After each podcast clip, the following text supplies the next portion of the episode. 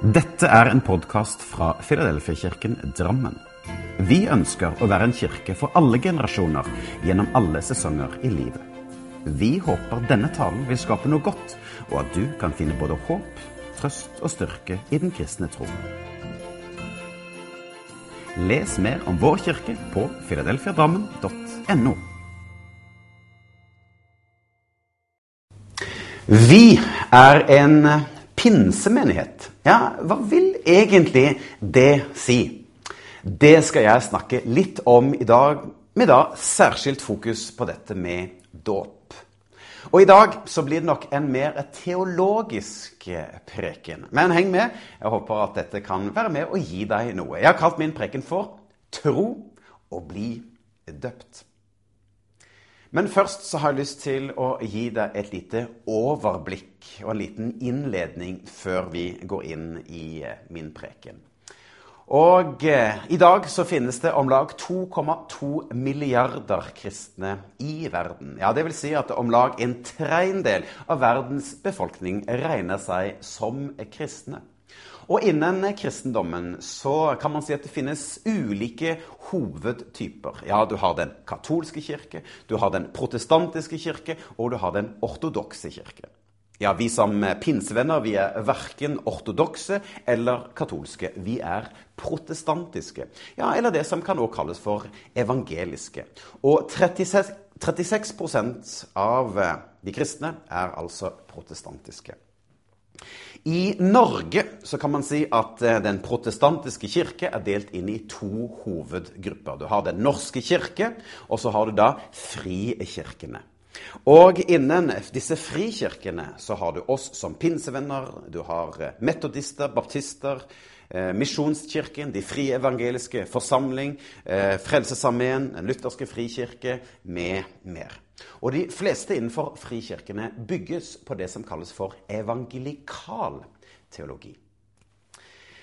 Evangel evangelikale det er et bibelsentrert folk som har en dyp personlig tro på Jesus og ønsker å ha ham som herre i alle deler av livet. Evangelikalismen vokste fram som en motreaksjon på liberalismen.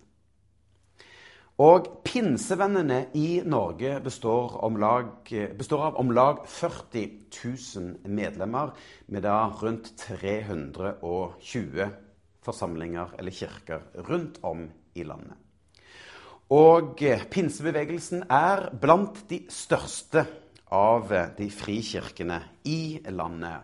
Organisert som et nettverk av selvstendige kirker rundt om i landet. Bl.a. oss her i Drammen. For Filadelfia-kirken Drammen består av 1080 medlemmer og tilhørige. Men på verdensbasis så består pinsevennen av om lag 400 millioner pinsevenner. Så hva er det vi da tror på, vi i pinsebevegelsen, og da Filadelfia-kirken Drammen? Jo, vi støtter oss til eh, trosgrunnlaget til pinsebevegelsen, som sier at vi tror på Bibelen som Guds levende ord til oss mennesker. Vi tror på den treenige Gud, Gud Fader, Jesus, Guds Sønn og Den hellige ånd. Vi tror at Jesus døde for våre synder og sto opp igjen for at vi mennesker skulle få muligheten til å få motta Guds frelsesgave, som er gitt av nåde ved tro. Vi tror at eh, alle barn har mottatt Den hellige ånd og kan erfare åndens dåp og åndens fylde. Vi praktiserer dette med troenes dåp som en god samvittighetspakt eh, overfor Gud og overgivelse til Jesus Kristus. Vi feirer nattverd sammen for å ha fellesskap med Jesus, men òg hverandre. Og den er åpen for alle som tror at Jesus er Guds sønn. Vi tror òg at Jesus en dag vil komme tilbake igjen, slik Bibelen forteller, for å hente hjem sine, slik at vi kan få lov til å leve evig sammen med Gud i himmelen. Og vi slutter også oss til den apostoliske trosbekjennelse. Så oppsummert så kan man si at viktige elementer for oss, det er at Vi har en personlig tro og relasjon med Gud. Og hver og en av oss har vår egen unike troshistorie. Vi har òg en sterk tiltro til at Gud er en aktiv, tilstedeværende, nærværende Gud som leder oss, som taler til oss og virker iblant oss. I dag så har jeg lyst til å prate om dette med dåp. Men òg litt om nattverd og det som kan kalles for pentekostale nådemidler. Ja, så heng med. Dåp. Å bli døpt. Eller rettere sagt å la seg døpe. Dåpen det er en viktig del av den kristne tro. Men hvorfor finnes det da både barnedåp og voksendåp. Ja, eller det som vi vil da kalle for troendes dåp, som det egentlig heter. Så hvorfor er folk da så uenige om dette, om dåpen? Og stemmer det at dåpen på sett og vis har fått en mindre betydning nå i senere tid enn det det er ment til å være? For dåpen har jo gjennom tidene vært eh, gjenstand for mye strid i kirkens historie. Så det jeg har lyst til å gjøre, det er å brette ut litt om hvordan vi ser på dette med dåp. Og la oss først gå til Jesus selv. For han sier da i Markus 16 at den som tror og blir døpt, skal bli frelst. Jesus han sier òg i misjonsbefalingen i Matteus 28 at Gå derfor og gjør alle folkeslag til disipler, mens dere døper dem til Faderens og Sønnens og Den hellige ånds navn, og lærer dem å holde alt det jeg har befalt dere. Altså troen og dåpen, den henger sammen. Men hvor tett henger den egentlig sammen? Ja, Det har jo vært eh, til drøfting gjennom lange tider. Er altså frelsen noe som meddeles i dåpen? Eller så er, peker heller dåpen på en frelse som blir gitt uavhengig av dåpen? Bibelen sier i hvert fall at vi skal gjøre til disipler. Vi skal døpe dem, og vi skal lære dem. Når man skal se på dette med dåp, så kan én vei være å se på ulikheter. Og en annen måte kan være å se på likheter. Men la oss prøve å starte i én en ende. For Paulus han forklarer om dåpen i Galaterne 3 på denne måten. For dere er alle blitt Guds barn pga. troen på Jesus. Når dere lar dere døpe, så forteller dere omgivelsene at dere vil leve et liv der Kristus dominerer dere. Her snakker altså Paulus om en bekjennelseshandling. At man forteller omgivelsene og Gud at troen på Jesus har blitt viktig for meg. Og jeg vil bekjentgjøre at jeg tilhører Gud. Paulus han forklarer òg enda mer utdypende i Romerbrevet kapittel 6, hvor han sier Hva skal vi da si? Skal vi fortsette å synde slik at Gud kan vise sin nåde og tilgi oss gang på gang? Nei, selvfølgelig ikke. Vi kan ikke på den ene siden ha Jesus som Herre og ta imot tilgivelsen gjennom hans død, og samtidig ukritisk fortsette å gjøre ting vi vet er galt. Vet dere ikke at alle vi som ble døpt til Kristus, ble døpt til hans død. I dåpen så viste vi oss vilje til å følge ham og bli begravd med ham. Slik som Kristus ble reist opp fra døden på grunn av Gud, slik skal også vi bli reist opp med ham. Hvis vi i dåpen kobles til hans død, da skal vi også være ett med ham i et liv sammen med ham etter oppstandelsen. Vi kan se for oss at vi lar vår syndige menneske bli korsfestet med ham. Da vil ikke synden lenger ha den samme makten over oss, og vi vil ikke lenger trenge å være slaver under synden, sier Paulus. Altså, Paulus sier her at dåpen er òg en symbolsk handling. Altså, vi velger billedlig å la vårt gamle liv uten Kristus bli korsfestet og begravet med ham. Og så står vi billedlig opp sammen med ham for å leve et liv der han er herre. Eller som Paulus sier det i Kolosserbrevet 2. Da dere ble døpt, så begravde dere det gamle livet. Og dere ble reist opp fra dåpens vann for å leve sammen med Kristus.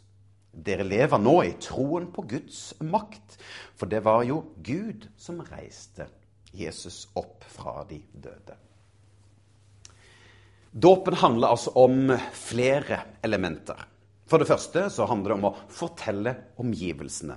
For mange så blir dåpen en bestemmelseshandling for å vise at man tror på Jesus. Kanskje man har vært kristen hele livet, eller eh, blitt kristen som gjennom en prosess. Og da kan dåpen være en veldig fin anledning til å fortelle de rundt seg at troen er blitt så viktig for meg at jeg har lyst til å la meg døpe. Det for det andre forteller om at man er døpt til hans død og oppstandelse. For i dåpen så begraver vi altså vårt billedlige, gamle liv og står opp igjen sammen med ham. Og Det betyr at vi ønsker å vise at nå er det Jesus som er den som skal være herre i mitt liv. Han skal lede meg, og han skal være min hyrde. Og i vår kirke så praktiserer vi det som andre pinsevenner gjør, altså voksendåp. Eller det som vi da kalles for troendes dåp. Eller egentlig så heter det baptistisk dåp. Og det bygger på at forkynnelsen at troen kommer av forkynnelsen, slik det sies i Romerbrevet 10. Derfor så vil vi som praktiserer troenes dåp, si at et spedbarn har ikke evnen til å forstå og ta imot Guds ord. Men Bibelen sier ingenting om alder. Men den sier noe om den klare forutsetning, altså troen. Altså en bevisst tro er en forutsetning for dåpen. Luther, Martin Luther, som da har vært en viktig teolog og, og være med å sette toneangivende retning for den lutherske kirke, og da Den norske kirke spesielt, har et annet syn på dette med dåp. Og da praktiserer da også barnedåp. Og Luther han mente da at når Guds ord når barnets øre så når det også barnets ånd, og da med en frelsende virkning. Ja, vi som tror og praktiserer troendes dåp, tenker at det er mennesker med en bevisst tro, et bevisst forhold til Gud, som er velkomne til å la seg døpe, for å vise omstendighetene at man har en personlig tro på Jesus. Barn som òg har en bevisst tro, kan la seg døpe. Men spedbarn, de tenker vi allerede er Guds barn. Så hva er det da som skiller dette med en luthersk og en pinsekarismatisk eller en baptistisk dåp? Jo, vi kan se for oss en skala hvor det lutherske er her ute, hvor vi kan kalle det for et eh, for sakrament, mens her borte rent symbolsk. For et sakrament, det er et mysterium. Altså at Gud handler. Det er et mirakel som skjer. Og i luthersk perspektiv så sier man da at i dåpen så er det Gud som handler. Gud valgte meg. Det er Guds handling. Og det skjer noe gjennom dåpen når det gjelder formidling av frelse. Man bærer, man bærer barnet til dåp. Og da òg at man bærer det barnet inn i menigheten og tar del i undervisningen og trosopplæringen. Foreldrene og familien ønsker å gi barnet det som man tenker er best. Og dåpen det blir da et sakrament, et mysterium, et mirakel hvor Gud handler. Et nådemiddel i dåpen. Synds forlatelse i dåpen. Frelse fra synd og det onde i dåpen. Gjenfødelse i dåpen. Åndens gave i dåpen. Og håpet om det evige i dåpen. Baptistisk perspektiv, altså det som troenes dåp, eller vi og pinsevenner deler, er at dåpen er eh, en symbolhandling, en samvittighetshandling. Det vil si at det ikke er et sakrament, altså ikke en hellig handling. Fordi at man skiller klart mellom forkynnelse, deretter frelse og deretter til slutt dåp. Og I dette da, pinsekarismatiske sammenheng så vektlegger man fire elementer i dåpen. Altså, Dåpen er et symbol på begravelse og oppstandelse. Vi begraver altså vårt gamle menneske dette før man tok imot Jesus og står opp igjen sammen med Jesus i dåpen. Man legger ned sine egne ambisjoner og legger ned sin syndige natur. Og ønsker at uh, synden ikke skal ha samme makt over oss, men det er Jesus som skal være herre i vårt liv. Og så Deretter så står vi opp da sammen med ham og ønsker å ha Jesus som herre i alle deler av vårt liv. Ja, Vi som pinsevenner vi tenker at vi er født med en syndig natur, men ikke en syndeskyld. For det andre, dåpen er òg et møtested. altså Et møtested mellom Gud og mennesker. Og Galaterne 3 sier at for dere alle Guds barn ved troen på Kristus Jesus. For hver og en av dere som ble døpt til Kristus, har ikledd dere Kristus. Eller slik som Hverdagsbibelen sier, for dere er alle blitt Guds barn pga. troen på Jesus. Når dere lar dere døpe, forteller dere omstendighetene at dere vil leve et liv der Kristus dominerer dere. For det tredje er òg dåpen en avtale mellom Gud og mennesket. Første Peter sier dåpen handler ikke om at kropp kroppen blir vasket ren. Men det er en avtale med Herren som går ut på at menneskene kan nærme seg ham med god samvittighet. Denne avtalen er bare mulig pga. at Jesus overvant døden og sto opp igjen. Han steg opp til himmelen og sitter ved Guds høyre hånd. Det er engler, myndigheter og makter underlagt ham. Altså, Gud strekker ned sin hånd til oss mennesker for å skape kontakt, relasjon og fellesskap. Og det fjerde, altså at dåpen er en stadfestelse eller en bekjennelse, som vi allerede har vært innom, at dåpen er en bekjennelse på at jeg har lyst til å følge. Så her kunne jeg ha landet min preken om dåp. Men jeg har lyst til å føre inn et annet perspektiv på dette med dåp, som fort kan bli litt borte i vår pinseteologi. For å komme til dette punktet hvor jeg har lyst til å lande min preken, så er jeg nødt for å gå en liten omvei om rundt dette med nådemidler og nattverd for å komme fram til det jeg vil lande i dag. Så, så heng med på denne biten her. Litt mer teologisk, men en nyttig og god tanke å ha med seg inn i vår tankegang, vår teologi om dåp. Opprinnelig så er dette med nådemidler. Det er altså hjelpemidler som Gud bruker for å oppnå frelse. Og i luthersk og katolsk sammenheng så er bl.a. nattverd og dåp med flere da type nådemidler. I pinseteologi så tenker man ikke at det finnes da nådemidler. Jeg skal komme tilbake igjen hva pinseteologien eh, tenker, men først litt om nådemidlene som er synlige i eh, luthersk og katolsk sammenheng. Og I da disse nådemidlene så bruker man ordet da realpresens. Altså at Jesus virkelig er nærværende og til stede i brød og vin. I katolsk nattverdsforståelse så velger man å tro på realpresens. Ja, det vil si at brød og vin faktisk forvandles til Jesu legeme og blod i fysisk form. Altså, Nattverdselementene ser fortsatt ut, smaker og lukter som brød og vin, men deres substans er endret og har blitt fysisk Jesu blod og kropp. Og denne forvandlingen er vedvarende, og denne læren kalles for transsubstansiasjon.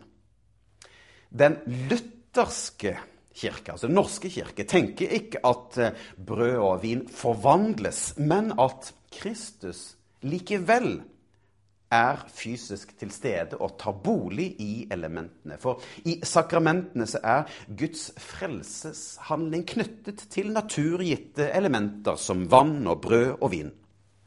Og i seg selv så er elementene ikke noe sakrament, men det blir det først når Guds ord knyttes til det. Og luthersk tankegang det kalles for konsubstansiasjon. Mens det tredje synet, altså pinseteologi, eller det som man også kan kalle for pentekostal teologi, så tenker man at brød og vin er symboler på Jesu legeme og blod. Og at nattverden er et minnemåltid. Altså det er ikke noe forvandling, det er kun symboler. Men la oss krydre da denne refleksjonen og spørre oss kan det hende at det finnes noe som kan kalles for pentekostal realpresens. Altså den eh, såkalte realpresensen, at Kristus virkelig er nærværende i brød og vin, ja, slik som i den katolske og lutherske. Men hva med heller å si at det ikke er Kristus, men det er Ånden som er til stede. Altså Den hellige ånd er nærværende og realpresent til stede under nattverden og dåpen. For eh, noen teologer som eh, noen teologer de eh, forstår sakramentene, eller nådemidlene der, som tegn eller alle disse ulike møtepunktene hvor Gud møter den troende og gjør seg tilgjengelig gjennom erfaring av guddommelig nåde og kjærlighet. Og bruken av begrepet nådemidler, ja, det, det blir ikke automatisk kompatibelt med denne klassisk sakramentforståelsen, men nå i en litt bredere perspektiv. Et møtepunkt mellom Gud og og mennesket i det symbolske. For kan man si at nattverden kun er et rent minnemåltid? Ja, slik som teologen Svingli foreslo. Eller kan man si at nattverden er òg et sted hvor Den hellige ånd blir nærværende? Ja, slik som eh, teologen Calvin tenkte. Så for å lande denne preken, og om dette med dåp Kan man da si at dåpen er et slags nådemiddel? Et pentekostalt nådemiddel med Den hellige ånds realpresens. Altså at vi kan tenke at i pinseteologi at nattverd og dåp ikke bare er symbolsk, men det er også noe Gud virker i. Ikke i fysisk form, slik som dette, i det katolske og lutherske, men i lys av pinseteologien kunne si at i dåpen så er det ikke bare jeg som lar meg døpe, men Gud virker i dåpen. At det er noe i det åndelige som skjer. I nattverden er det ikke kun et minnemåltid, et symbolmåltid hvor vi minnes. Men kan vi òg si at det er noe mer? At det er òg en hellig handling hvor Gud med sin ånd virker i oss og gjennom oss og i måltidet. For på den måten så kan man si at dåpen og nattverden kan være pentekostale nådemidler, hvor den aktive Gud virker gjennom Den hellige ånd og er nærværen og til stede.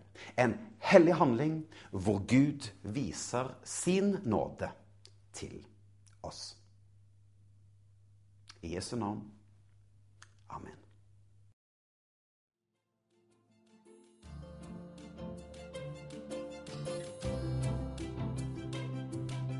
Som en avslutning på denne podkasten ønsker vi å lyse Herrens velsignelse over deg. Herren velsigne deg og bevare deg. Herren lar sitt ansikt lyse over deg og være deg nådig. Herren løfte sitt åsyn på deg og gi deg fred.